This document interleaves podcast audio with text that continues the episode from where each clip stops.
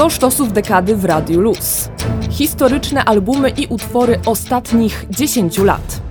Rok 2013 na rynku muzycznym był zdecydowanie dobrym rokiem i z punktu widzenia roku 2020 też bardzo istotnym rokiem, bo wtedy to właśnie wyszło kilka, co najmniej kilka e, przełomowych albumów, które mam wrażenie, że trochę jakby ustawiły grę na następne e, lata, no i właściwie do końca tej e, poprzedniej już e, dekady. Mówię tutaj na przykład o naszym miejscu ósmym na liście 10 najbardziej sztosowych wydawnictw 2013, czyli Kanye West z albumem Jesus. I to był, co ciekawe, to był ten moment, w którym Kanye ogłosił się Mesjaszem i z, poszedł bardziej w memy, jeśli mogę tak powiedzieć, i na pewno pamiętacie też e, klip do Bound 2.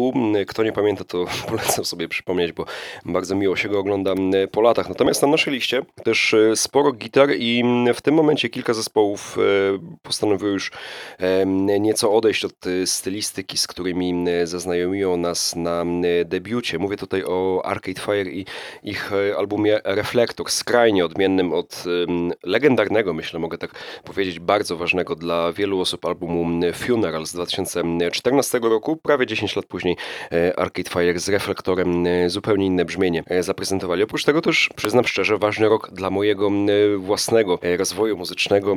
Bardzo ważny album tutaj wyszedł, mixtape właściwie, od Keleli Cut For Me, za którym stoi śmietanka producentów wytwórni Night Slugs, doskonałe, prześliczne wydawnictwo, cudowne i tak dalej. Mógłbym się tutaj długo, długo spływać. MA też, co ciekawe, wróciła na tron, ale właściwie mam wrażenie, że tylko dzięki głównemu e, singlowi z albumu Matangi Bad Girls. No cóż, zapraszamy do słuchania. O kilku pozycjach tutaj nie wspomniałem, ale myślę, że zostawił Was w doskonałych nastrojach i też przywrócą kilka wspomnień. Zatem zapraszam do słuchania 10 najlepszych e, wydawnictw roku 2013 według redakcji muzycznej akademickiego Radia Luz.